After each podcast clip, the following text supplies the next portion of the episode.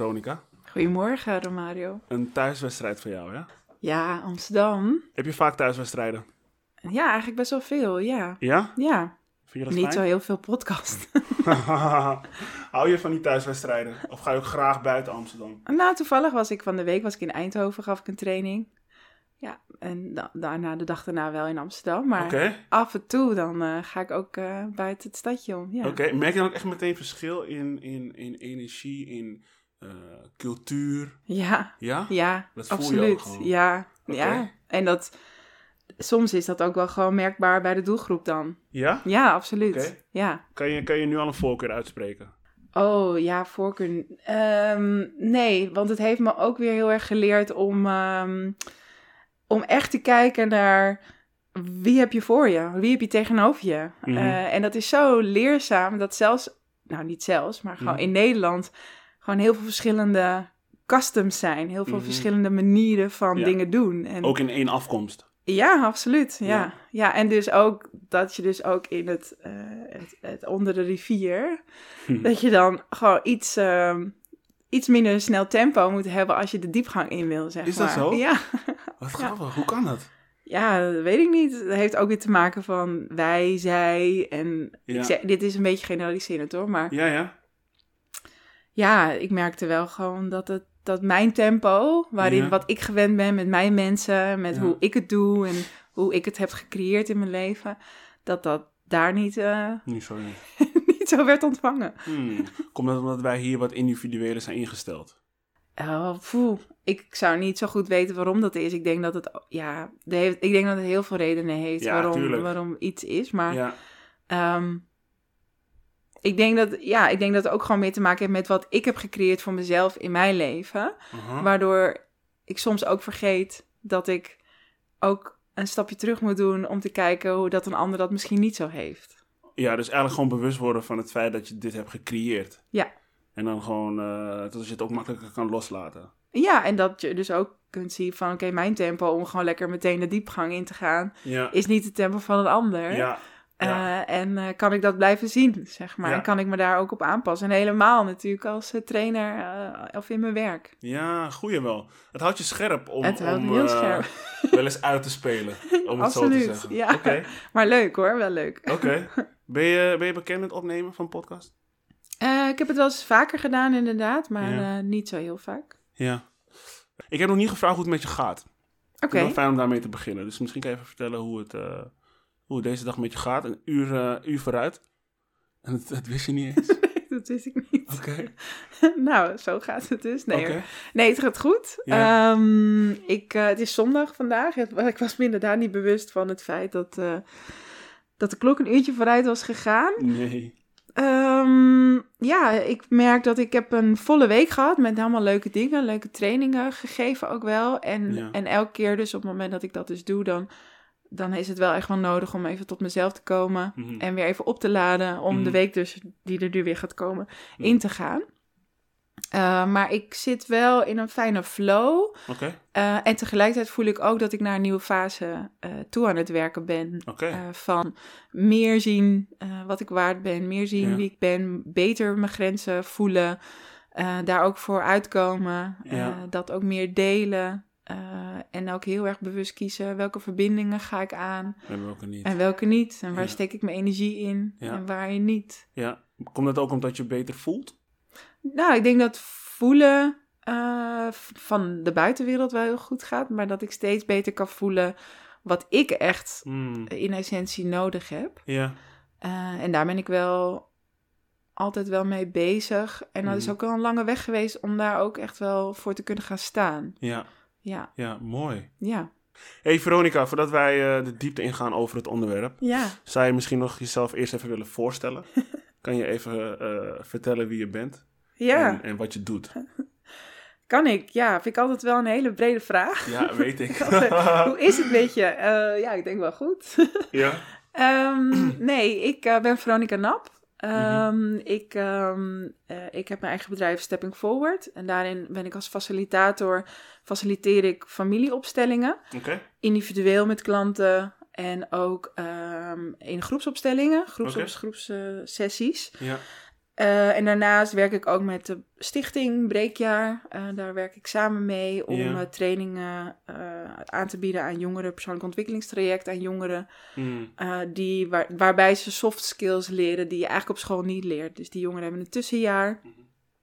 En ja, in, in, in dat traject ben ik met een team van andere leuke trainers die dan samen, samen die jongeren verder helpen in hun ontwikkeling, waar we zelf ook onwijs van leren. Tuurlijk. En aan wat voor jongeren moet ik denken dan? Ja, jongeren in de leeftijd van 16 tot 24 jaar. eh. Die een bewuste keuze maken om eh, een, een breekjaar te hebben. Dus een break van schoolleven.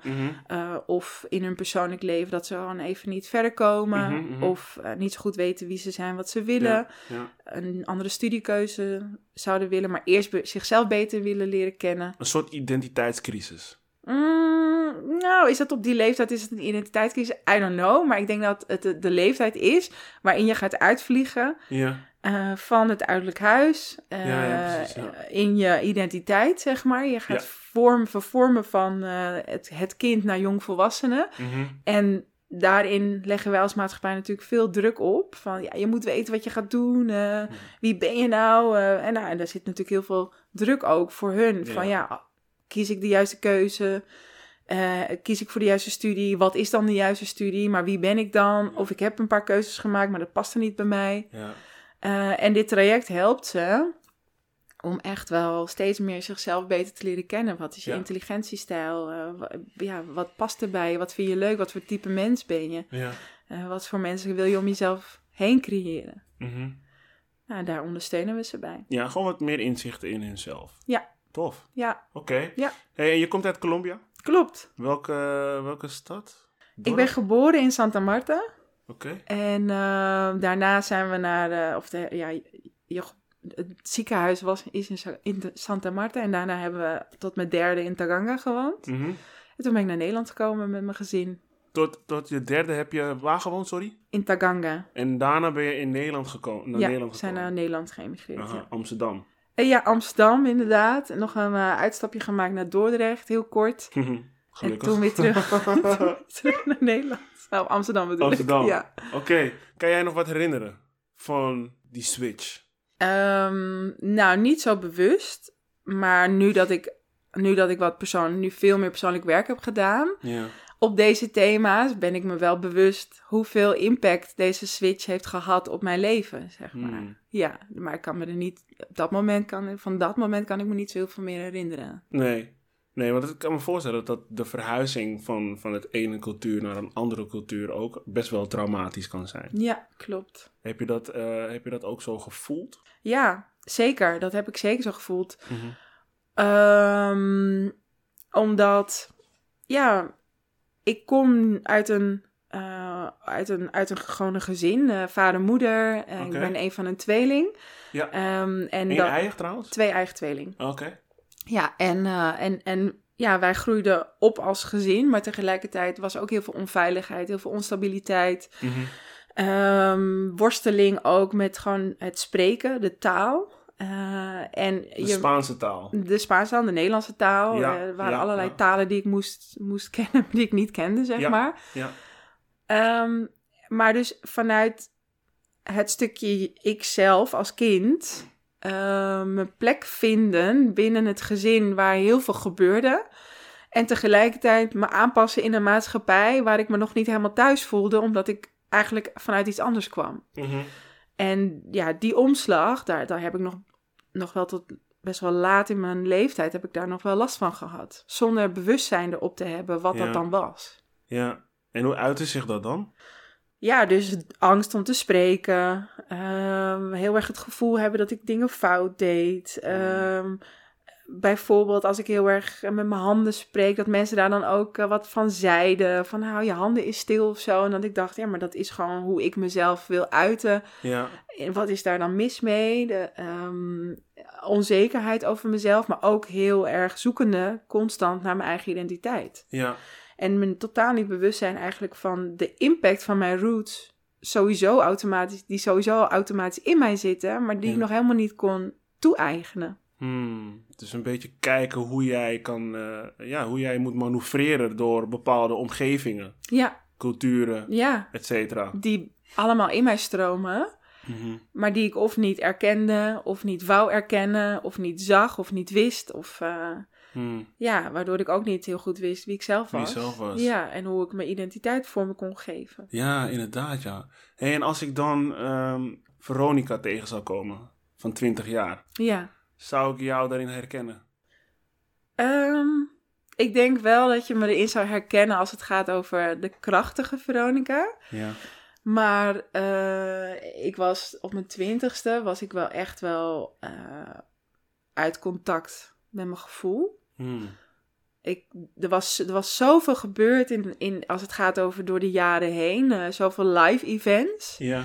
En op mijn twintigste had ik de kracht wel om te zeggen, ik ga uit huis. Dus eh, er werd, werd een, eh, een kans aangeboden. Ons ouderlijk huis, ja, dat werd gesloopt. En dan kregen we urgentie. En, en ik gre- greep een kans. Dus ik koos ervoor om voor die urgentie te gaan. Ondanks Mhm. dat dat niet werd gestimuleerd vanuit de thuissituatie. Mhm. En ja, dat was eigenlijk... Ik was, ik was op die leeftijd was ik echt helemaal dienend aan de ander. Aan het gezin, aan, aan de familie. En totaal niet dienend aan mezelf. En toen die kans voorbij kwam, toen wist ik van... Dit is een kwestie van leven en dood. Als ik dit nu niet doe, dan weet ik niet of ik er nog ga zijn. Hmm. En Jezus, dat is best wel heftig. ja, dat, is, was, dat was echt wel heftig. Maar daar was ik me helemaal niet van bewust. Dat het zo ik, heftig was. Ja, omdat het, dat het zo heftig was. Maar ik voelde wel, ik moet dit doen. Ja. En ik ben bereid om, om er buiten te vallen Ja. als ik hiervoor ga. Ja.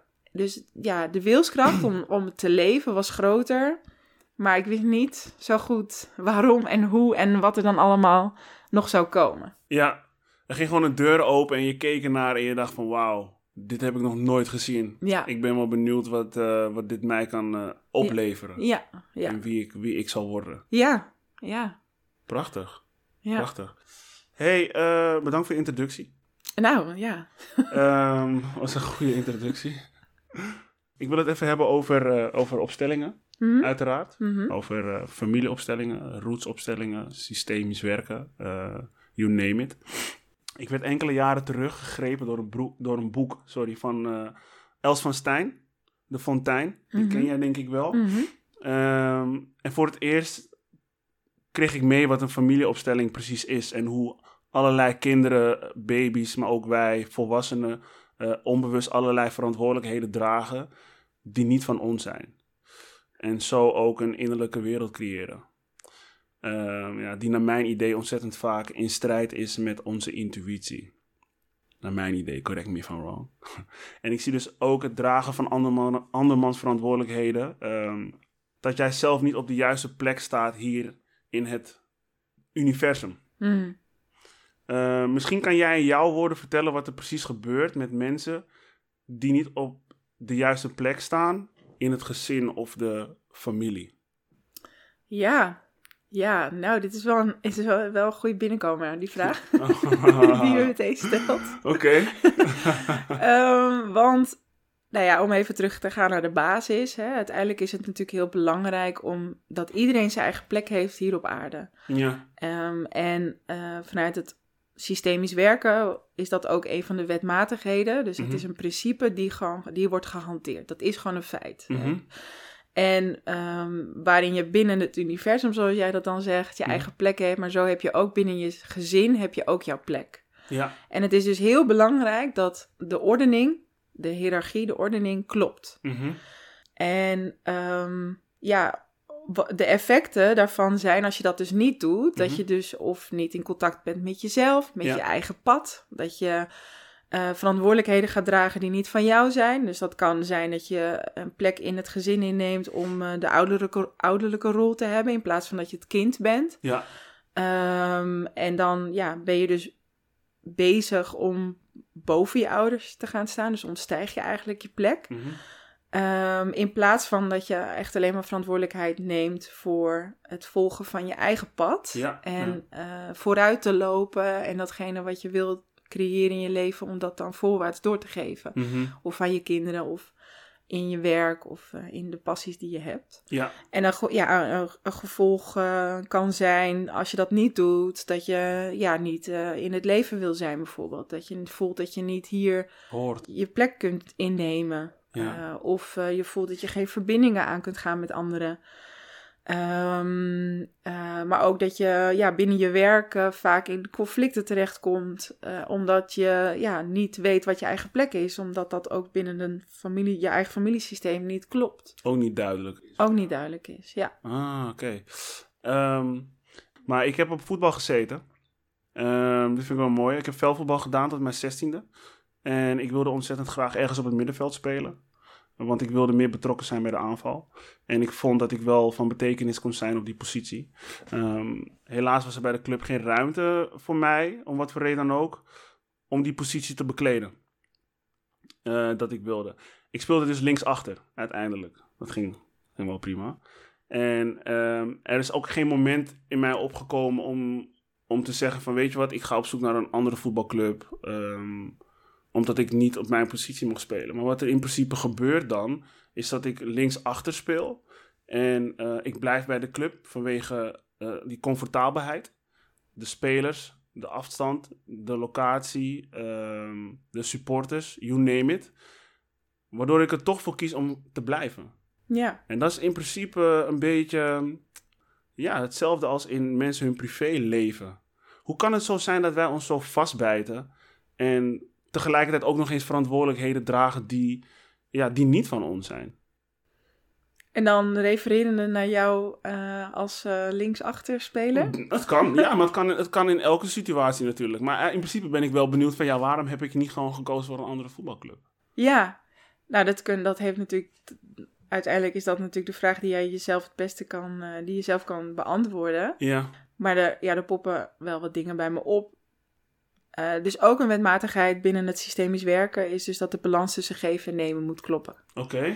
En op het moment dat wij dus in een, eh, in een, eh, in een stuk in ons leven zijn, Mhm. neem je, jouw voetbalscenario zeg maar, Ja, Ehm, dan is de vraag, is, dat, is de plek waar je bent, geeft dat jou voldoende energie, Mhm. waardoor jij kan blijven, waardoor jij kan geven? Mhm. Nou, die vraag ga ik je dus stellen. Was Mhm. dat zo? Was dat het geval?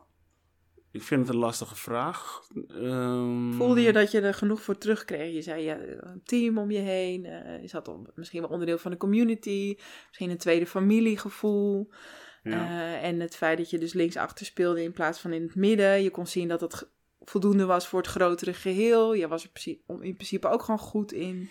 ja. Je had niet heel veel ambitie om profvoetballer te worden. Weet ik niet. maar- ja, had ik wel. Had ik wel, ja, ja. Ik had zeker die ambitie om profvoetballer te worden. Ehm, hoe voel ik me daarbij? Ja, ik vind het een lastige, want de reden dat ik op voetbal ging... heeft misschien ook veel minder te maken met voetbal zelf.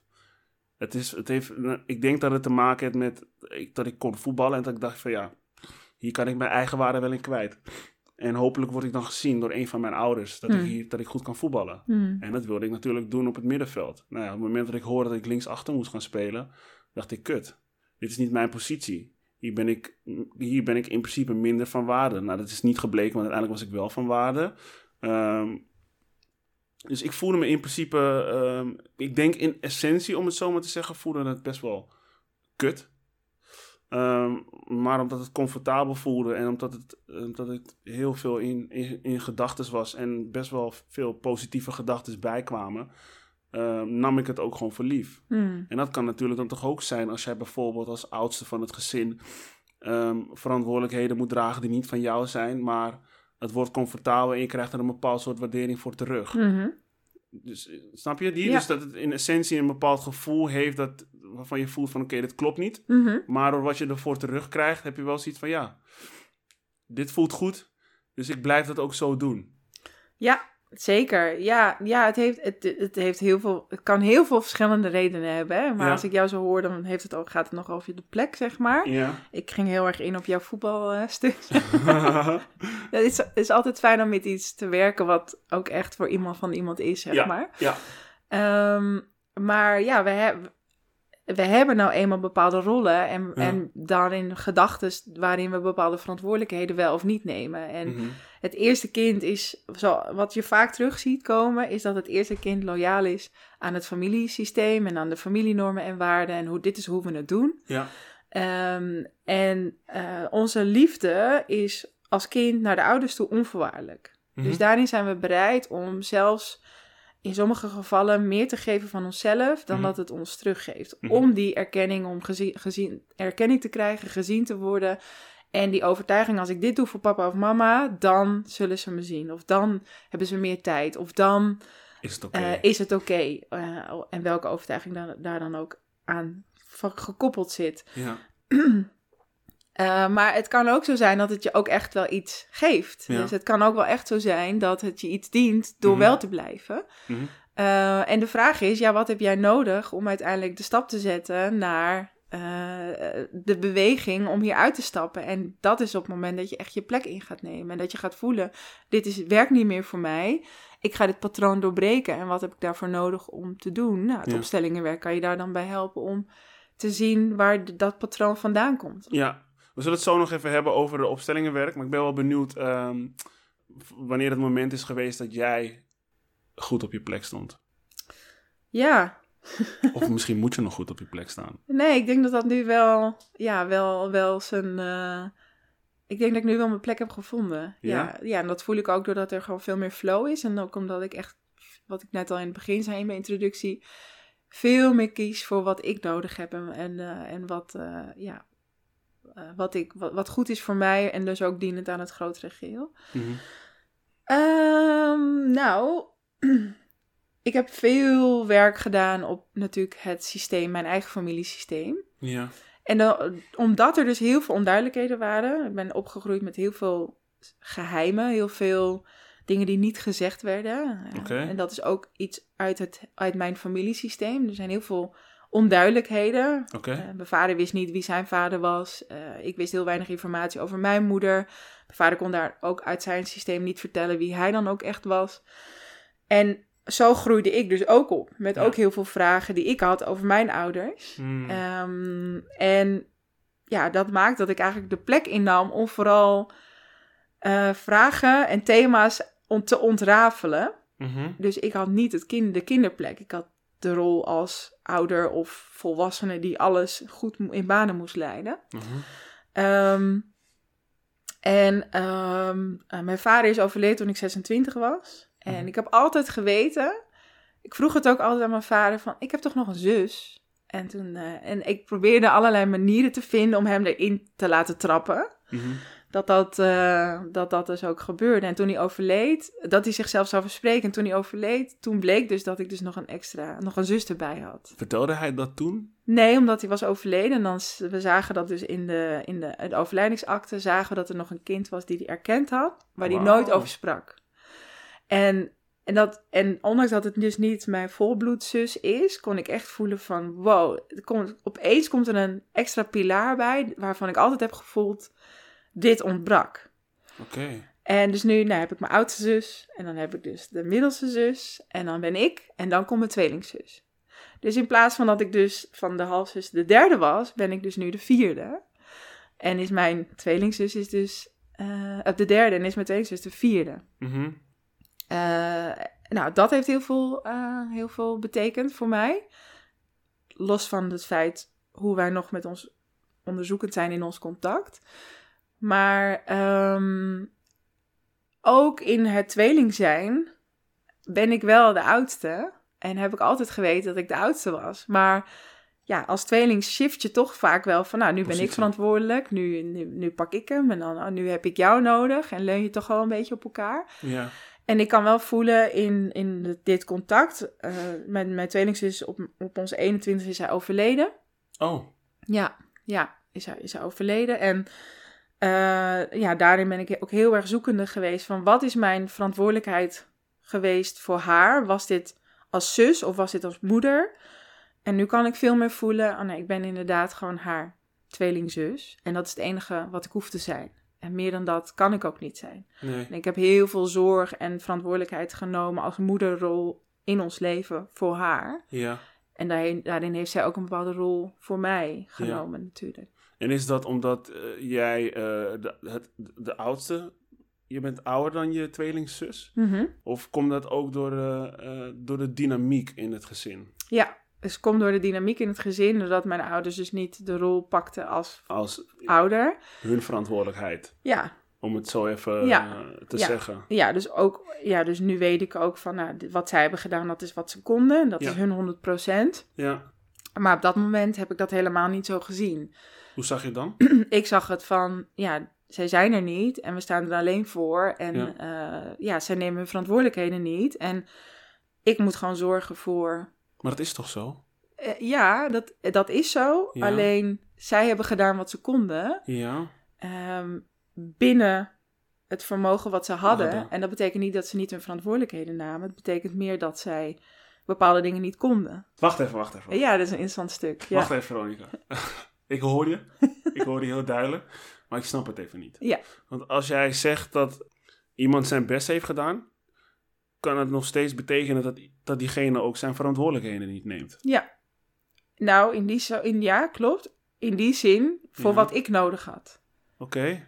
Dus zij hebben gedaan wat ze konden, maar ik had iets anders nodig. Ja. En misschien had Vanessa daar ook iets anders in nodig. En Vanessa ik heb, zus. dat is mijn, dat is ja. mijn tweelingzus. Ja, ja, ja oké. En ik heb die rol vervuld wat er niet was. Ja, ik begrijp die. Dus je had wat nodig en dat kon je, konden ze niet geven. Ja. Daar, waardoor jij hebt gezegd, oké, dat dan pak ik het zelf. Ja, want dan ga ik Dan neem ik het over. Neem ik het over. En dan zorg ik ook dat mijn jongste zusje, dat mijn zusje het ook krijgt. Ja.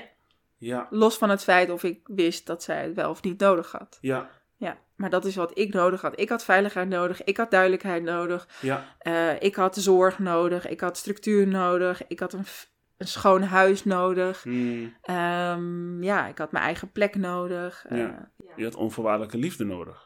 Ja, ja, uiteindelijk hebben we natuurlijk allemaal, Allemaal. onvoorwaardelijke liefde nodig. Ja. Alleen, ja, dat wat zij mij gaven, dat sloot niet aan op datgene wat ik als kind nodig had. Hmm, en dan, Ja, dan verschuif je. Ja. En een stukje over jouw, ehm, eh, jouw, jouw, jouw vader, of over jouw zus, waarvan jij altijd al het gevoel had dat jij nog een zus hebt.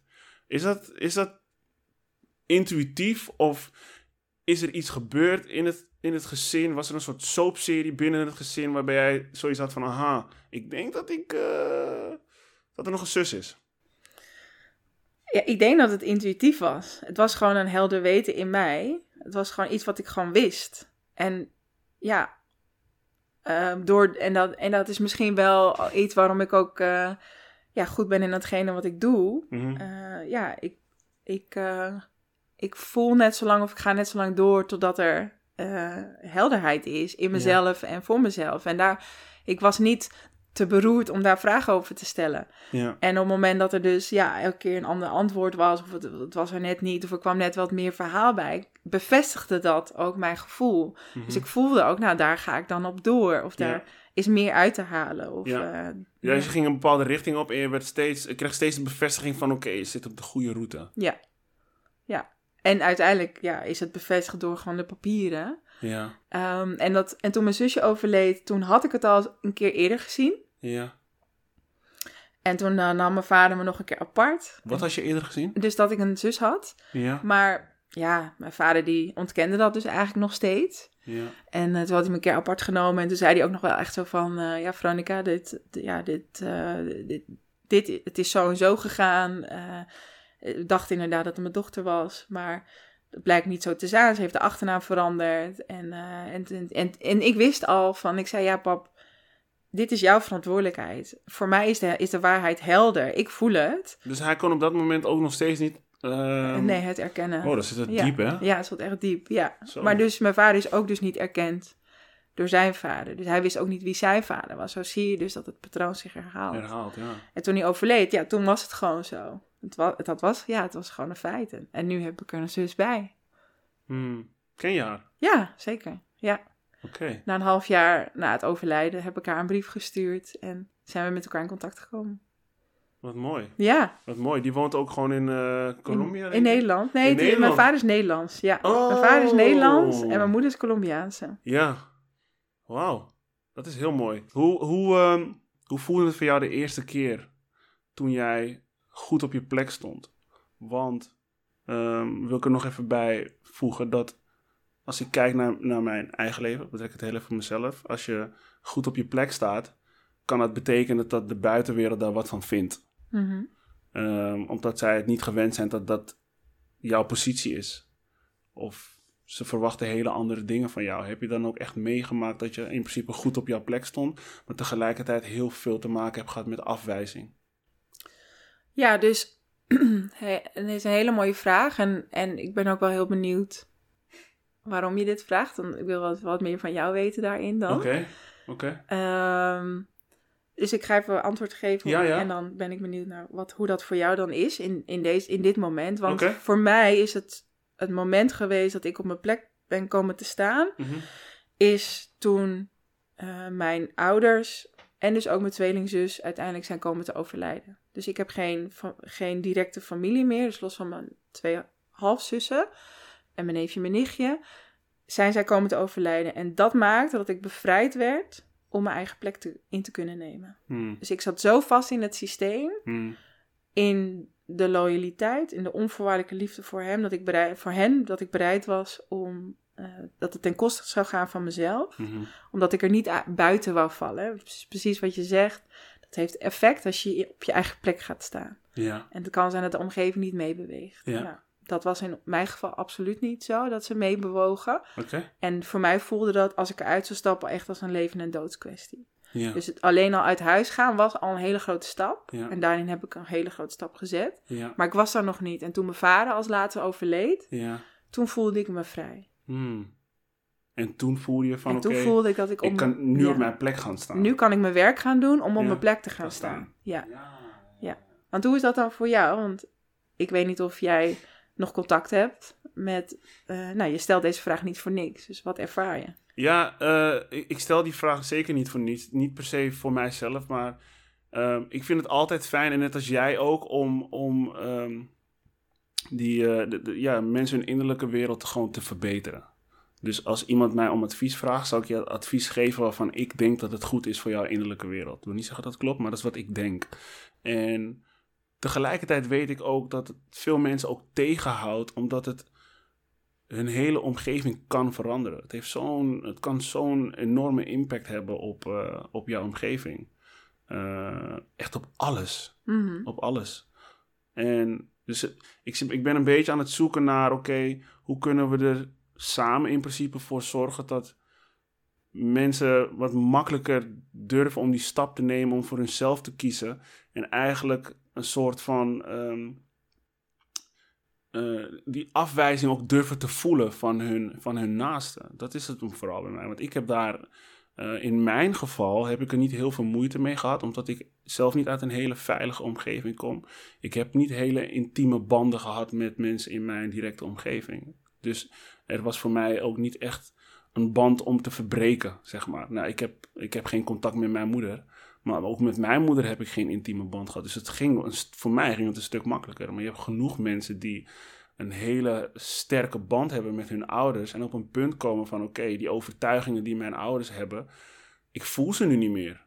Maar hoe ga ik daarmee om? Want ik ben een of andere manier, ben ik misschien toch nog afhankelijk van mijn ouders. Misschien financieel, ik weet het niet. Dus heb je daar een, een, een, een, een, een antwoord op? Ehm, ehm, kijk, wij als kinderen zijn Ja. natuurlijk afhankelijk van onze ouders Mhm. in gewoon puur om te overleven. Mhm. Het kinderbrein is super intelligent Ja. Om de keuze te maken van wat heb ik nodig om in leven te blijven. Dus ik ben bereid om dit en dit en dit te doen. Ja. Met mijn vader of met mijn moeder. Of dit en dit van mezelf in te leveren. Of dit en dit aan te passen. ja. Zodat ik erbij hoor. En uiteindelijk is het de weg waar we het tot nu toe ook al steeds over hebben gehad. Dat jij Mhm. verantwoordelijkheid gaat nemen voor je eigen pad. Mhm. En je bent onlosmakelijk verbonden met je familie. Ja. Of je nou wil of niet. Je Ja. kan niet zeggen, ik ben niet meer de zoon van mijn vader. Of mijn Mhm. moeder of de dochter van mijn vader of mijn moeder. Dat is gewoon. Of een kleinkind van. Ja. Maar het is wel jouw verantwoordelijkheid om jouw eigen pad te gaan leven. Ja. En het leven te leven wat jij hebt te doen hier op aarde. Ja. En daarin kun je natuurlijk super loyaal blijven naar je familiesysteem. Alleen op het moment dat het je niet meer dient, of op Mhm. het moment dat het niet meer dienend is voor het geheel, Mhm. waar, waarin jij zelf natuurlijk een heel belangrijk onderdeel bent, Dan heb je een keuze te maken. Blijf ik dit in stand houden? Blijf ik in stand houden wat we hebben, hoe we het altijd doen? Ja. Dit is hoe wij het doen, zeg maar. Of mijn vader heeft dat ook, of mijn moeder doet dat ook. Ja. Of zeg je, wie ben ik? En wat neem ik mee? Wat ik van hun heb meegekregen, wat dienend is aan mij? Mhm. En hoe laat ik los en bij hun wat mij niet meer dient? Hmm. En eh, ja, dat is een zoektocht die voor iedereen natuurlijk anders is. En zeker ook in de verschillende culturen eh, waar we in deze mooie maatschappij, ehm, waar we onderdeel van zijn. Ja. Waarbij familie, eh, loyaliteit naar familie soms zo groot is wat, dat het ten koste moet gaan van jezelf. Ja. En als dat een bewuste keuze is dat je die wil maken, dan maak je ook een bewuste keuze voor het feit dat je dus niet volledig je eigen pad leeft. Eh, en misschien is daar iets in te onderzoeken in het familiesysteem, waarom dat zo sterk trekt. Eh, maar het is ook niet voor iedereen weggelegd om die stap te maken, om te zeggen: ik ga helemaal voor mijn eigen pad en ik voel dat ik mijn ouders achter me heb staan, eh, ook al maak ik deze beslissing. Of het is oké dat ik mijn ouders niet achter me heb staan, eh, want ik wil dit echt heel graag. Ja. Ja, dus in principe zeg je eh, gewoon heel keihard van, weet je, als jij niet op jouw plek staat, dan leef je niet authentiek. Oeh, ehm, nou ja, au- authentiek. Of ik moet beter zeggen, dan leef je niet vanuit je essentie. Ja, ja, ja. Ja, wij zijn verantwoordelijk om vanuit on- om onze eigen essentie te leven. Mhm. Ik heb niet jouw essentie, jij hebt niet mijn essentie. Jij hebt echt alleen maar jouw essentie. En, daar, Ja. en dat is aan jou om die te gaan leven. Ja. En om daar uiteindelijk in, in persoonlijk onderzoek daar te komen wat dat dan voor jou is. Ja. En het kan zijn dat je overgrootopa eh schoenmaker is geweest. eh, eh, en dat jij ook die skills hebt. Maar Mhm. betekent dat dan dat jij dat ook moet doen? Of is dat iets wat je ook graag wil doen omdat het je, je dient en het, het grotere geheel dient. En eh, in deze moderne wereld nog meer Ja. brengt. Wat is de intentie? Ja, wa- en wat is jouw weg? Ja, ja dat, is wel een, eh, dat is wel een goeie. En eh, je bouwt natuurlijk ook aan een community natuurlijk met, jou, met jouw bedrijf, waar we het zo nog even over gaan hebben. Wat mensen natuurlijk ook, wat het veel makkelijker maakt.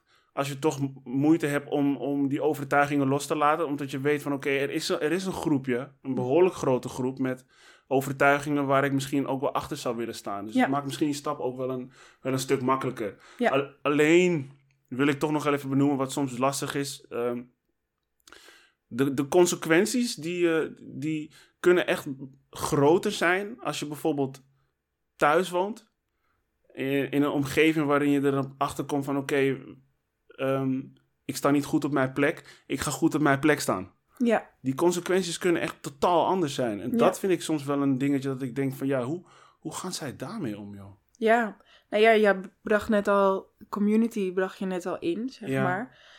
Om uit je systeem te stappen, Ja, is het heel belangrijk dat er iets anders tegenover staat. staat. Ja. En op het moment dat je dus een besluit maakt om er alleen uit te stappen, dus Mhm. eh, door eh, echt je eigen weg te gaan, Mhm. eh, is het best wel zwaar ook om dat ook in je eentje te doen. Maar op Ja. het moment dat je mensen om je heen hebt die jou daarin supporten, die je daarin stimuleren. Als ik het refereer naar mezelf, eh, toen ik uit huis ging, dat ik de keuze maakte om akkoord te geven op het huis wat, wat ik toen, toen, toen kreeg. Ja. Toen was mijn tante er en mijn stiefmoeder er om te zeggen, doe dit. Ja. Go for it. We staan achter je, we geloven in je en, en laat het allemaal maar achter je. Ja. Anders had ik die kracht niet gehad om die beweging te maken. Mm. Eh, en, en, en zo is het dus ook ja, eh, in bepaalde gemeenschappen waarin je dus ook andere mensen nodig hebt die je steunen Ja. om echt daarvoor te kunnen gaan. Want het is, het, het is een hele trekkende energie ook. Mm. Eh, omdat je er gewoon heel graag bij wil horen. We all have a sense of, we have a sense of belonging and we want to belong. Ehm, als groep, anders gaan we dood. Dat is ons oerbrein die, Mhm. die, eh, die dat beslist, zeg maar. We hebben elkaar nodig. We hebben elkaar nodig. ja. Ja, Dus een support system is gewoon eh, ja. een goede basis om eh, Ja. je overtuigingen te veranderen. Ja, en dus ook, ja, dus overtuigingen, maar de kracht. En misschien heb je die overtuigingen nog wel op het moment dat je de keuze maakt. Maar Ja. het gaat echt over dat, ja, dat iemand naast je staat. Dat, dat je het niet alleen hoeft te doen. Ja. Helder. Heel helder. Hey, over jouw eh, bedrijf. Stepping Forward. Catch je naam. Ja, Het rolt lekker. nou, Stepping Forward. ja. Heb je hem daarom, eh, heb je hem daarom bedacht? Nee, meerdere redenen. Maar het, uiteindelijk, als je kijkt, gewoon, als je gewoon puur ik ben heel visueel ingesteld en Ja. je hebt het over eh, een andere beweging, dat er een andere beweging nodig hebt, dan heb je een stap te maken. Ja. En dat step forward, ja, stepping forward. Ja, En dat kan ook zijn dat je dus even een stap terug hebt te zetten, maar je moet een beweging Eindelijk maken om uiteindelijk weer naar voren te kunnen gaan. ja.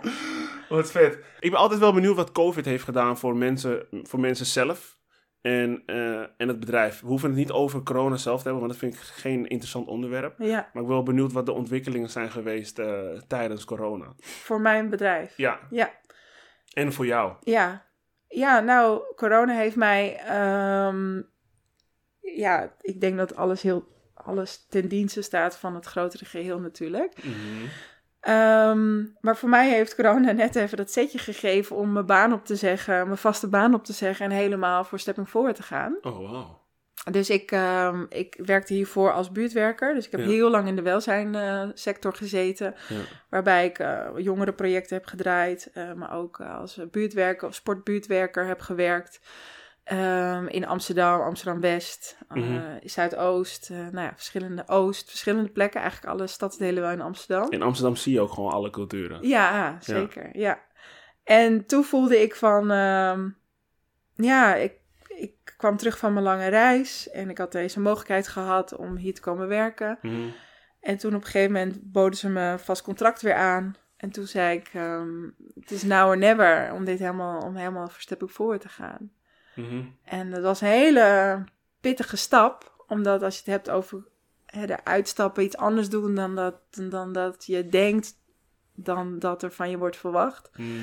Dan stond ik er op dat moment eh, een soort van even alleen weer voor, omdat ik dat vangnet niet zo heb in mezelf eh, vanuit het systeem, omdat ze er niet meer zijn. Mhm. Ehm, dus ik, ja, ik moest echt wel even eh, mensen om me heen vinden om die kracht te voelen van, ja, dit ga ik gewoon doen. En toen ik eenmaal ook met mijn zussen over had gehad en, en mijn neefje en mijn nichtje super daredevils, eh, hoe zij het, het leven leven ook zag doen, voelde ik ook wel van, eh, ja, we gaan er gewoon voor. Dus kan het ook. dit kan ik ook. Ja, en toen ik het ja. besloot, de dag daarna kreeg ik een belletje voor een grote opdracht. Wauw. Ja. Wauw. Dus het was heel kloppend. Dus ja, dat heeft het voor mij gebracht. En ik zie dat klanten ook voelden van er is heel veel behoefte aan verbinding. Mhm. Eh, ik wil heel graag onder de mensen zijn. En ik ben eh, ja, altijd eh, ben werkzaam geweest. Mhm. en gerespecteerd waar de grenzen lagen. Mhm. En ja, Mooi. Ja, dus die on- die, die, die, on- dat onafhankelijk gevoel dat je wilt hebben eigenlijk. Want je krijgt dus de keuze om, een, om, een, om weer een contract te tekenen. Bij dezelfde werkgever trouwens. ja, Oh, wauw. Ja. Je krijgt dus weer de keuze om een contract te tekenen of echt compleet voor jezelf te gaan. Dus die, die onafhankelijkheid die daarbij komt kijken, dat is natuurlijk fantastisch, maar het is behoorlijk eng. Want Ja. het is geen, eh, er is nog geen zekerheid. Nee. En wat ik ook hoor, is dat eigenlijk pas een deur open gaat wanneer je eentje dicht hebt gedaan. ja, klopt. En heel vaak houden we nog die ene deur gewoon open. Ja. En hopen dat er een andere deur open gaat. Maar dat gebeurt naar mijn idee gewoon bijna nooit. Nou, en, en dus daar, ja, daarin komt dus community en gelijkgestemden. En, ja. en Het, gaat, het gaat zich dan een beetje ontwikkelen ook. Ehm, nou, ik denk wel dat het een innerlijke beweging is. Als je het ook weer hebt over je plek innemen. Zeg maar, voor mij voelde het gewoon. Het klopt voor mij niet meer om, om eh, in dat moment in mijn leven binnen de welzijn te werken. Ja. Ik kon niet me conformeren aan de verwachtingen die daar lagen. Omdat ik een andere overtuiging eh, heb van hoe Mhm. dingen zouden moeten gaan, zeg Mm, maar. Ja. Dus dan kun je ervoor kiezen om te blijven en elke keer eh, het gevecht aan te gaan. En Ja. elke keer of het gevecht of eh, weer voor de strijd te gaan. En ja, weer go on, we gaan het gewoon weer doen. Of Ja. je zegt, I choose my battles. En of ik kies voor datgene wat echt belangrijk voor mij is. En dan is dit niet meer mijn plek. Dus dan heb ik een andere plek te zoeken. En dat was in dit geval voor mij logisch, want het step ik vol met mijn bedrijf. Prachtig. Eh, en, da- en daar ben ik voor gegaan. En ja, als je dan je plek inneemt, dan floot het ook. Ja. Eens. Eens. En dan, dan, ehm, dan zie je ook die, die synchroniciteiten. Ja. Dat, Ja. dat is iets wat ik de laatste jaren heel erg veel ervaar. Eh, dat, dat, dat ervaar je ook alleen maar als je in het nu leeft. En niet in je gedachten, naar mijn idee. Anouk heeft een mooie quote ook, hè? Oh ja? Ja, ik vind, ik vind het een Echt mooie een quote. topper Dat is wel- trouwens. Echt een Ja. lieve schat. Lieve mij, maar dat is ook wel toepasselijk op wat jij net zei. Dat eh, het is, jouw binnenwereld is een reflectie van jouw organisatie. Ik gebruik die quote zo vaak. en ik, het komt zo vaak weer omhoog. Niet alleen als ik in een organisatie zit, maar ook als ik ga voetballen. Uh, kijk naar trainers. En dan, weet je, ik gebruik het altijd. En als, als die binnenwereld van een organisatie niet, niet matcht met die van jou, wat jij dus eigenlijk aangeeft van je zou bepaalde dingen anders doen, Mhm. ja, dan is het wel de bedoeling dat je gaat kijken, vind ik, voor uh, iets anders. Ja. En in dit geval heb jij dus gekozen voor uh, stepping forward. Ja, en samenwerkingen dus uh, met andere organisaties. Ja, oké. Okay. Ja. Die dezelfde binnenwereld Ja, dus die dezelfde eigenlijk. visie uitstralen en, Ja. en waarbij je dat gezamenlijk in de wereld kan zetten. Wat leuk, hè? Ja, Ja, je, je samenwerking zijn ook gewoon intiemer, ja, kan ik mij voorstellen. ja, zeker. Hmm. Ja, absoluut. Ja, Ik uh, wil het even hebben over uh, dus de familieopstellingen zelf. oké. Ja, of mag ik het zo noemen of moet ik rootsopstellingen zeggen? Uh, nee hoor, nee, ja, het, het, het, het, het fenomeen heet systemisch werken. Ja. En dan heb je verschillende gebieden, waarbij je dus organisatieopstellingen, familieopstellingen, sy systemisch werken, eh, shamanistisch opstellen. Nu zeker in deze hele transformatie veel vormen. Shamanistisch opstellen? Ja, kan ook. dat zeggen? Ja, ja, Interessant. ja. Maar kan je eerst vertellen wat, um, um, uh, wat het precies is? Want ik heb het mogen ervaren. ik vond het echt... Ik weet nog steeds niet wat ik moet zeggen. Ik kan, er niet, ik kan mijn vinger er niet op leggen wat het is. Mm. Ik heb er geen woorden voor of zo. Het was heel veel voelen. Uh, heel veel was intuïtief.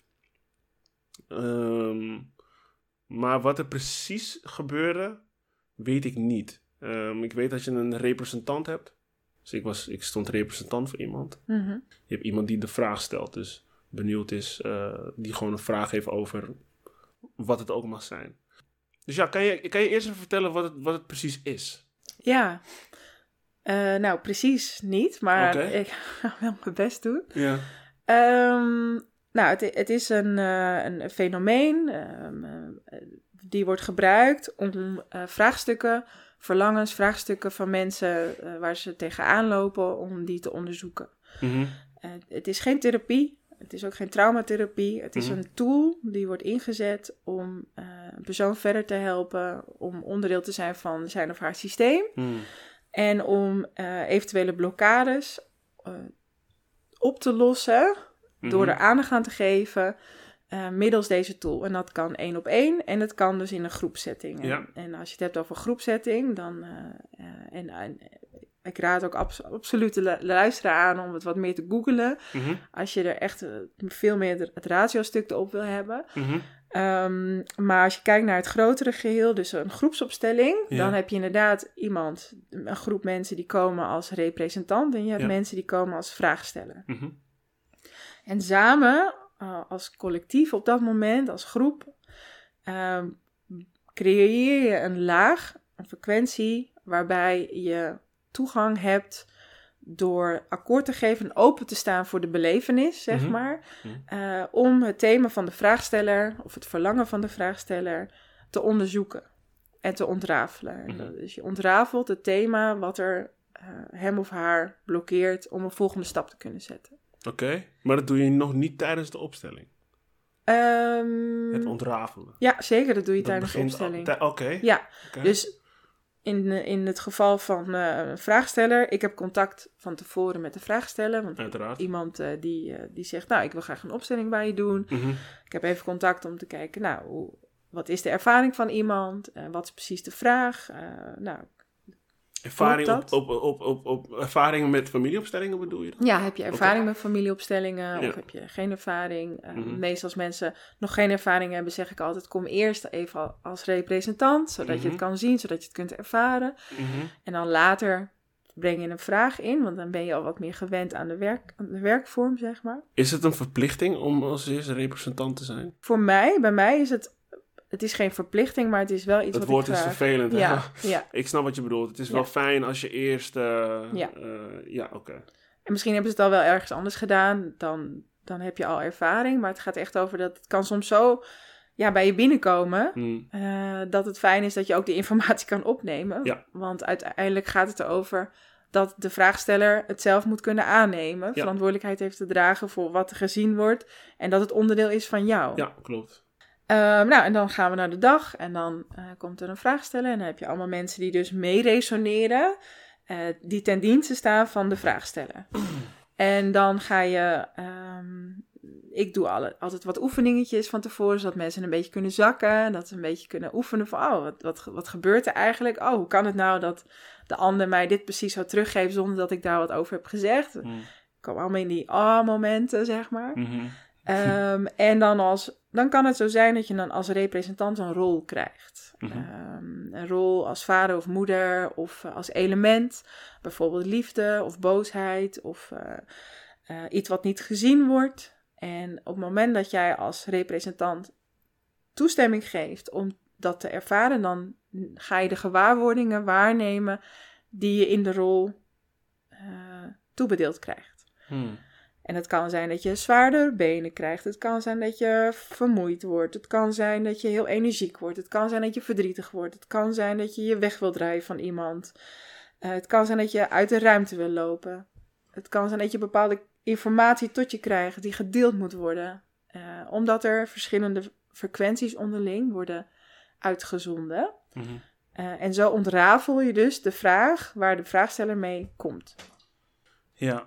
Gaan er ook, eh gaan er ook chakra-poorten open of dicht bij een representant? Chakra-poorten. Ja, ik ben niet helemaal into Thuis in, eh, eh, de... Ja, nee. Ik... ik ehm, het zou kunnen. Ja, Ja. het zou kunnen. Dat hoeft ook natuurlijk niet in het werk, maar ik was, ik, ik, ik was gewoon benieuwd of jij, dat, of jij dat gewoon wist. Maar ja, dat zijn van die dingen dat ik mij dan ga afvragen. Want ik kan me voorstellen als jou bijvoorbeeld heel simpel, je- als persoon jouw keelchakra gewoon niet helemaal eh, goed is. Mhm. En je staat representant voor iemand die misschien wel een hele goede eh, spreker is of een goede keelchakra heeft. Of dat dan ook effect heeft. Ik ga me erin verdiepen. Ja, nou kijk, je hebt het over chakra, zeg maar. En voor mij heet dat dan veel meer multidimensioneel waarnemen, zeg maar. Je maakt gewoon gebruik van alle zintuigen Ja, eh, die jij als mens tot je beschikking hebt. En alle uitingsvormen die je hebt als mens, Mhm. die komen tot leven Ja. in een opstelling al- als resonant. Mhm. En het kan zijn dat bijvoorbeeld iemand komt met... Ik vind het super spannend om te spreken voor een groep. Hoe komt het nou dat ik elke keer dichtklap Ja, en dat als wij eh, de opstelling eh, eh, gaan neerzetten, dat Mhm. de representant daar informatie over kan geven. En als je het dan hebt over ch- chakra's, en, ja, en er is ook een keelchakra, ja, dan kan het zo zijn dat dat open gaat. ja. Absoluut. Ja, Alleen ik spreek niet in de term chakra's of... eh, Nee, maar dit is ook verhelderend. Maar eh, kan je dan, heb je dan een voorbeeld dat iemand bijvoorbeeld... Want dit, dit is wel een mooie, een mooie vraag eigenlijk. mhm. Van, eh, ik heb moeite met spreken. Ja. Nou, ik denk dat de gros van de mensheid wel het lastig vindt om te spreken voor een grote groep. Ehm, wat voor informatie krijgt zo iemand? Wat kan hij krijgen? Ehm, nou, de, als resonant bedoel je? Eh, ja, ja, Ja, ja, als een representant. Ja, dus dat kan zijn dat iemand dus zegt, ik voel dat ik, eh, dat ik druk voel op mijn keel. Mhm. Of ik voel dat ik iets wil zeggen, maar dat ik niet weet wat ik moet zeggen. Of Mhm. ik voel me heel jong, ik voel me heel kind. Eh, Mhm.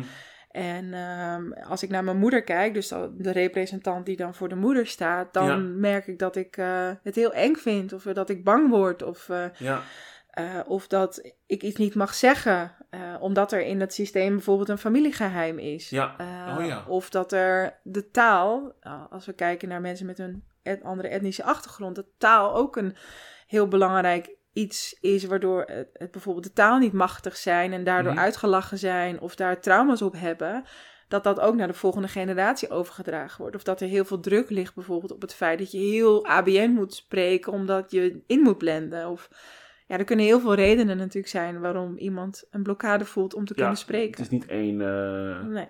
één specifieke reden. Nee, of dat je zelf gepest bent op school, Ja. of dat je stotterde, of dat... Ga zo maar het, door. ja. Ja, maar goed, je krijgt wel informatie en dan dat je wel kan weten van, aha, eh, de oorzaak ligt daar. En dat wordt zich zichtbaar in een opstelling. Ja, Het is niet zo dat een opstelling een quick fix is. Dus Mhm. een opstelling is niet zo dat op het moment dat jij een vraag hebt van... Nou, ik, eh, eh, mijn moeder en ik eh, hebben een eh, hele ingewikkelde band. Wat is er misgegaan met mijn moeder? ja. Dan eh, laat dat zich niet zien. Een opstelling is echt ten dienste van jou. En Ja. het veld, zoals we dat noemen, wat er wordt neergezet... vanuit waar we dus ook met elkaar kunnen voelen en Mhm. kunnen beleven en kunnen waarnemen. Ehm, eh, ja, die kan er ook voor kiezen om bepaalde informatie niet te laten zien. En dan is het ook niet aan ons om daarin te gaan vroeten of daar ook over te oordelen eh, of daar iets van te vinden. Het laat zich zien wat zich aandient en daar hebben we dan mee te werken. En dat is dan ook aan de vraagsteller om daar dat in zichzelf of zij, haarzelf te integreren om dat op te lossen.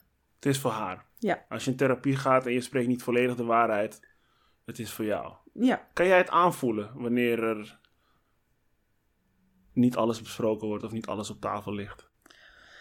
Ehm, ja. Ehm, en ook in het veld, in, als, als de representanten gaan waarnemen, Mhm. dan kan het dus zo zijn dat een representant zegt: Ja, er wordt iets niet gezegd. Er wordt iets niet gezegd. Mhm. Ehm, moeder die zou daar wat over moeten zeggen. Of, eh, eh, of dat de representant naar iets specifieks kijkt, naar de grond bijvoorbeeld. Ja. Nou, dat kan dan aanduiden dat er een overleden iemand is. Of dat er eh, een kindje niet is eh, aangenomen omdat hij Ja. in de schaamte dat er een miskraam is geweest. Of dat er een abortus is gepleegd. Of dat er dood geboren is. Of dat eh, adoptie ja, ook ter sprake komt. En dan, ja, dan is, wordt dat zichtbaar. Mhm. Dus ik hoef niet zo heel veel daarin bloot te leggen, omdat de representanten dat zelf ook doen. Die doen het zelf. Ja. Ja, en als, als- wat, je, wat je zei over ehm, eh, dat je ook representant kan staan voor een bepaalde emotie. Ja. Dat vond ik een hele mooie. Ja. Dat heb ik niet zo ervaren in, in, eh, in, in de workshop toen ik er Mhm. was. Mhm. Want iedereen stond representant voor een persoonlijkheid en niet Ja. voor een gevoel.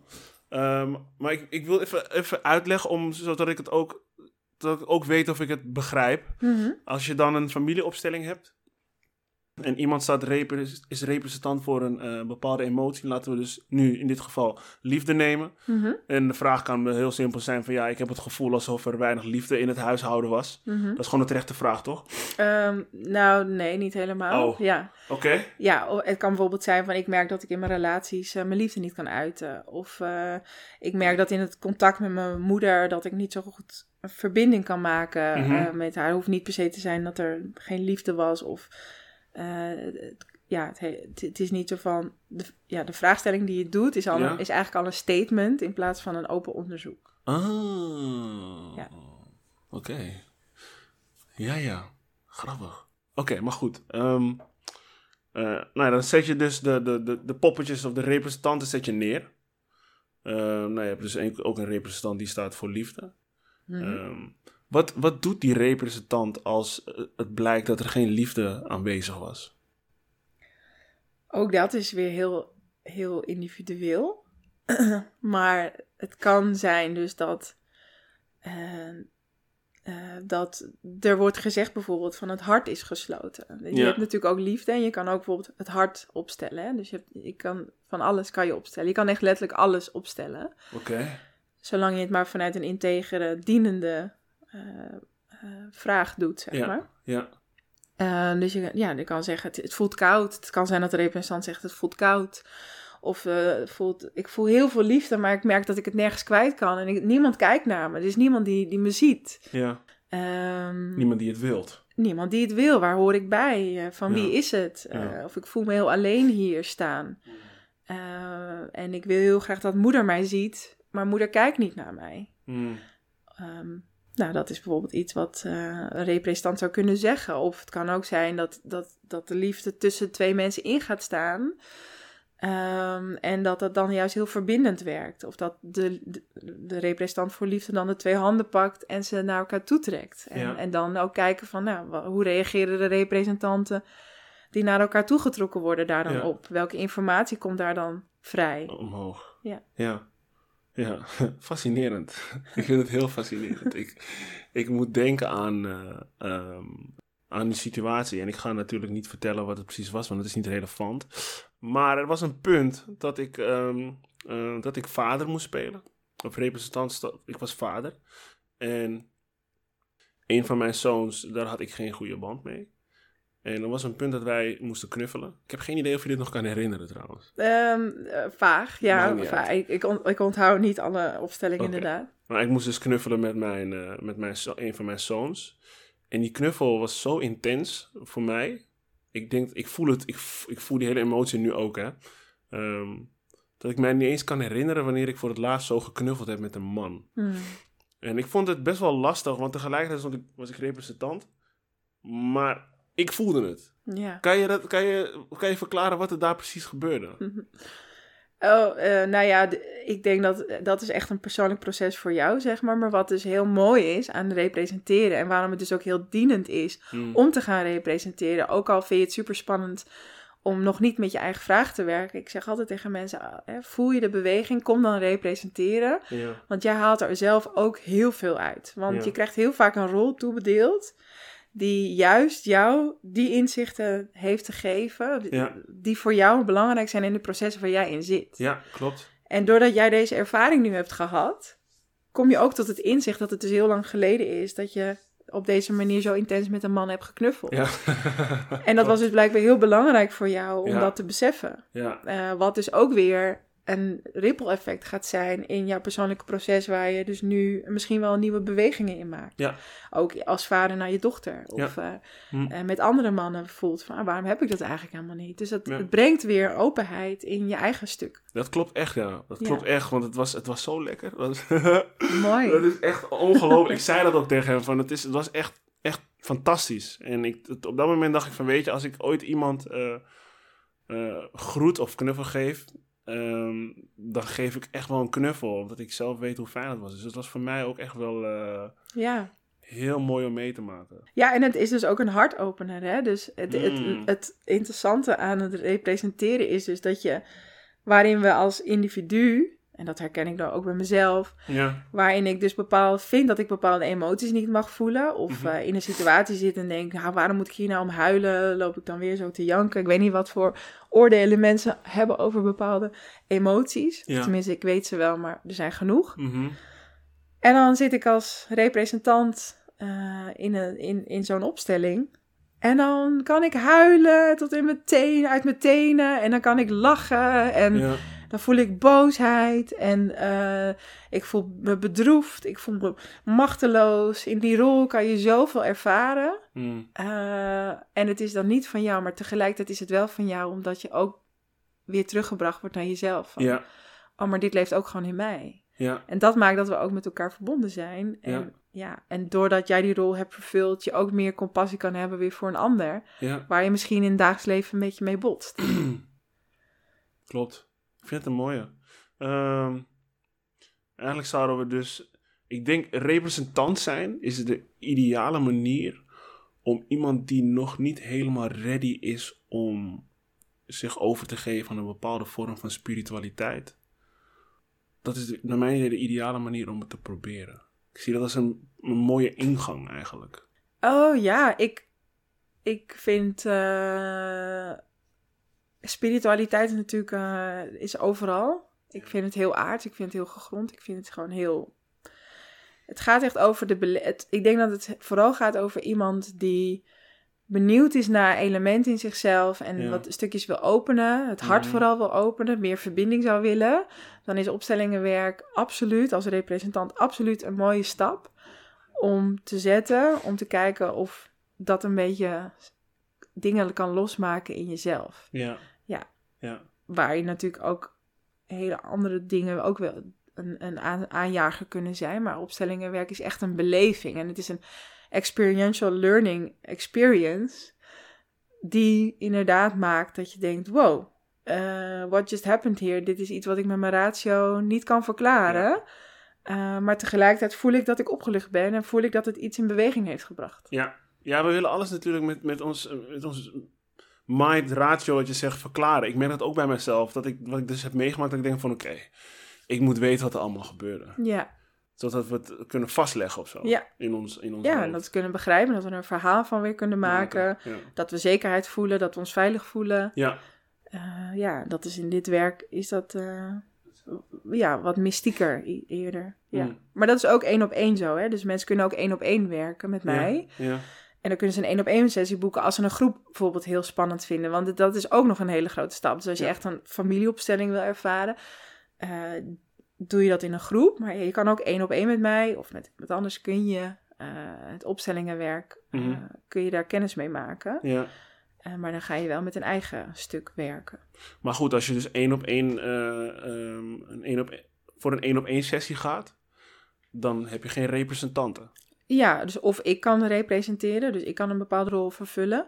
van één iemand. Eén iemand, Ja. maar je kan switchen, hè, dus je kunt met Ah. grondankers werken. Ja, ja, ja. Eh, ja. maar ik werk ook met poppetjes. Als je op naar mijn website gaat, kun je ook zien, ik heb allemaal dierenpoppetjes. Ah. En die dierenpoppetjes kunnen dus ook representant staan voor je systeem. Nou, dan, als we dan hebben over de ratio die dat wil begrijpen, dan is het, wordt het helemaal een leuke grap natuurlijk. Ja, Maar eh, ja, dus op het moment dat je met veel poppetjes werkt, die kunnen ook allemaal representant staan voor je systeem. Of voor je werkvraag. Of voor eh, ja, je volgende stap, zeg maar. ja. Ik wilde eigenlijk, ehm, ehm, eigenlijk door, maar eh, anders kom ik niet aan mijn... Ik, ik heb nog wat vragen natuurlijk. Poppetjes. Iemand moet die poppetjes verzetten. Ja. En eh, ben jij degene die de poppetjes verzet? In principe is degene die de vraag stelt, is degene die ook de poppetjes beweegt. Ah. Maar ik kan natuurlijk ook de poppetjes bewegen, maar dan, doordat ik de poppetjes beweeg, creëer ik weer een beweging in de ander. Waardoor je Mhm. misschien veel meer je ja of je nee voelt. Mhm. Als ik zeg, ah, wat gebeurt er als ik het poppetje hier neerzet? Ja. Wat doet het dan met jou? Ja. Oh, dat voelt veel fijner. Of, Ja. Want soms zit je zo vast dat je ook geen beweging voelt. En misschien zijn er luisteraars die ook herkennen van... ik sta in een pu- op een punt in mijn leven, maar ik voel dat ik helemaal bevroren ben. Ja. Dus wat is dan mijn volgende stap? Ja. Als ik eh, niet weet wat ik moet doen. Nou, soms heb je daar een ander voor nodig... om eh, net even dat Duracell poppetje aan te zetten. Ja. Dus dat doe ik dan ook. Ja. Uh, en ik voel natuurlijk altijd mee. Um, en ik, ja, ik, ik kan daarin ook de andere kant zijn. Ja. Ja, helder. Dit vind ik een mooie. Vooral die individuele trainingen. Ik vind ze allemaal mooi, maar voor individuele training is ook wat, uh, wat laagdrempeliger voor, ja, als het, als het helemaal nieuw voor je is. Ja, ja. Dus dat zou ik zeker weten ook aanraden. Um, ik was inderdaad op jouw website. Uh, niet opgelet op de poppetjes, denk ik. Ik weet het niet. Geeft niet. Um, en je hebt dus een, een, een, een kopje met uh, veelgestelde vragen. en uh, er was één vraag die je kreeg. En diegene zei: Ik heb, ik heb Nederlandse roots. Mag ik dan ook een opstelling doen? ik vond het zo'n grappige vraag. En waarop jij antwoordde met: Jazeker, iedereen met een open mindset is welkom. We hebben allemaal roots. Ik denk Ja. van ja, we hebben ook allemaal roots. Maar op het moment dat ik het woord roots hoor, dan heb ik meteen een associatie met buitenlanders. Mhm. Maar goed, dat is zo, zo gekomen door eh, de maatschappij, denk ik dan. Eh, ligt jouw focus meer bij iemand met immigrantenouders? Um, uh, mijn focus ligt op uh, identiteit en roots. En op het moment dat, dat er vragen zijn rondom identiteit en roots, of identiteit, Mhm, roots, Mhm. zijn, kunnen ook losstaan van elkaar. mhm, Dat is de doelgroep waar ik mee werk, voornamelijk. Mhm. En roots is natuurlijk gekoppeld ook aan je etnische achtergrond, maar ook aan de, de geografische ligging waar je bent ge- opgegroeid. Uh, maar ook gewoon je familiesysteem. Want zij zijn gewoon onderdeel van jou. En dat maken ook jouw roots. Dat maken ook jouw wortels. Ja. Um, en dus nee, niet per se. Uh, maar ik heb zelf wel uh, multiculturele achtergrond. En dat Mhm. maakt dat ik daardoor ook uh, ja, meer begrijp en meer weet. En ook meer uit het veld kan halen. De verbindingen wat sneller kan, kan Ja. leggen. Ja, en het dient zich gewoon aan. Ja. Doordat ik dit ook bij me meedraag. Mhm. Prachtig werk. Vind je het leuk? Ja. Het, het gaat voorbij leuk. Oké. Want het, ik kan me herinneren als kind, wat ik al zei, ik ben altijd bezig geweest met mijn eigen roots, met mijn Hmm. eigen achtergrond. Hmm. En ik vond het ook altijd heel fascinerend om andermans verhalen te horen over zijn of haar systeem, Hmm. familiesysteem. En ook die familieverhalen die dan eh, ja, verteld werden en zo, daar kan ik dan helemaal in, eh, in weg. Graven. Ja, maar ook gewoon helemaal, helemaal, mijn oren zijn helemaal open dan. Oké. En toen ik kennis maakte met het opstellingenwerk, toen dacht ik echt wel van, huh, wat is dit? Hoe kan het nou dat die mensen die ik niet ken, ik heb er niks over gezegd, deze informatie laten zien? Mhm. Uh, maar het heeft zoiets in me geopend dat ik ook dacht, ik ben er al zo lang mee bezig geweest en er is nu een plek. Als je het hebt over jouw plek, mijn plek, Mhm. dan is dit echt mijn plek. Mhm. Is, dit is echt wat ik te doen heb. Ja. Dit is echt waar ik heb, mee heb te werken. Ja. Ondanks dat het systemisch werken een vorm is binnen mijn werk. Hmm. Maar ik kan niet zonder. eh, eh, het, is, het, het leeft door mij heen. Ja. Het, het is ook echt ja, wie ik ben. Ja. ja, dat voel ik. En eh, ik heb het ervaren, mogen ervaren. En ik denk dat als ik het niet had mogen ervaren, dat ik het nog steeds ook zo zou voelen. Puur vanwege jouw persoonlijkheid en jouw overkomen. En het is echt helemaal fantastisch wat je doet. Dankjewel. Helemaal. Ik wil ehm, richting de afsluiting. En ik heb, eh, ik heb nog twee vragen voor je. Oké, dat leuk. oké vindt. Wat betekent liefde voor jou? Oh joh, dit zijn dit zo. Of Dit vind ik altijd zo is het ingewikkelde een vragen, te filosofische vraag? Ja, voor mij wel. Ja, kan, je, ja. kan, je, kan je hem kort beantwoorden? Poeh. Oh, ik, ik heb er geen woorden voor. Nee, ik, ik, eh, ik- nee, mijn ratio weet dit niet. Nee. Het is, een, het is iets wat ik, wat ik leef eh, en waar ik ook nog genoeg in heb te leren. Hm. Maar ik kan er geen antwoord op geven. Nee, ga ik ook niet doen, want anders lul ik mezelf alleen maar vast. Ja, maar ik, ik, ik denk dat je ergens ook wel een soort van antwoord hebt gegeven door aan te geven dat, dat je het niet kan met jouw ratio. ja, oh ja, mooi gezegd. Toch? Ja, Dat, dat is iets wat ik... eh, nu op, dit, nu op dit moment niet in ieder geval. Nee, Ja. precies. Wie weet eh, of het ooit kan. Oké. Hey, en wat zijn jouw drie kernwaardes? Oh joh. Ja. Eh, mijn drie kernwaardes. Ehm, ja, dat is wel interessant. Het is commitment. Commitment vind ik een hele belangrijke. Dus, eh, Commitment aan? Ja, aan jezelf, aan, aan elkaar, aan, het, eh, aan, aan dat je onderdeel bent van een systeem, van een collectief. Dus dat, dat is voor mij een belangrijke. Ja. Eh, vreugde.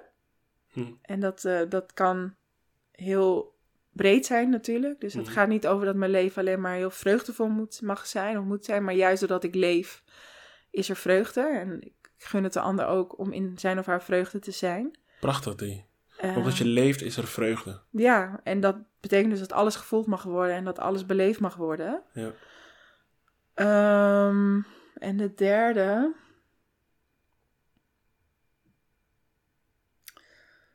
Ja.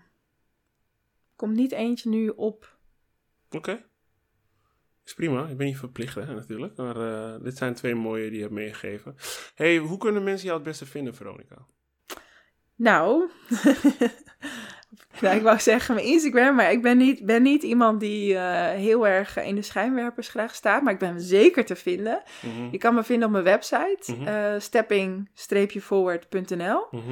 Eh, uiteraard, als je Veronica Nap googelt, Veronica Nap, Veronica met een K en Nap met een B, eh, dan vind je me ook op Google. Eh, Instagram, Veronica Stepping Forward. Facebook ben ik ook te vinden, Stepping Forward. Dus ja, ik denk dat mensen mij genoeg kunnen vinden. Ja. Ondanks dat ik niet heel actief ben op social media. Maar belangrijke events, die zijn op mijn website te vinden, op social media te vinden. Eh, je kan me altijd vrijblijvend een berichtje sturen of eh, even een mailtje sturen. Ja. Je kan ook, ik heb altijd gratis kennismakingsgesprekken, eh, telefonisch. Dus dan ontmoeten we elkaar en dan kun je kijken of we samen eh, een match zijn. Ja. Ehm, en dan vanuit daar kunnen we voelen wat de volgende stap is. Mooi. Veronica, ik wil je bedanken voor je tijd. ook. En ook. ehm, graag gedaan. Ik vond het een hele informatieve eh, eh, podcast. Ik heb er eh, zelf heel veel uitgehaald. Eh, ik hoop dat het voor jou ook een prachtige eh, podcast was. En ik hoop voor de luisteraars ook. En eh, ja, jullie weten waar je haar eh, kan vinden. Dankjewel. En Yes. dankjewel voor de uitnodiging. Heel graag gedaan. Thanks. Verbinden met Roms.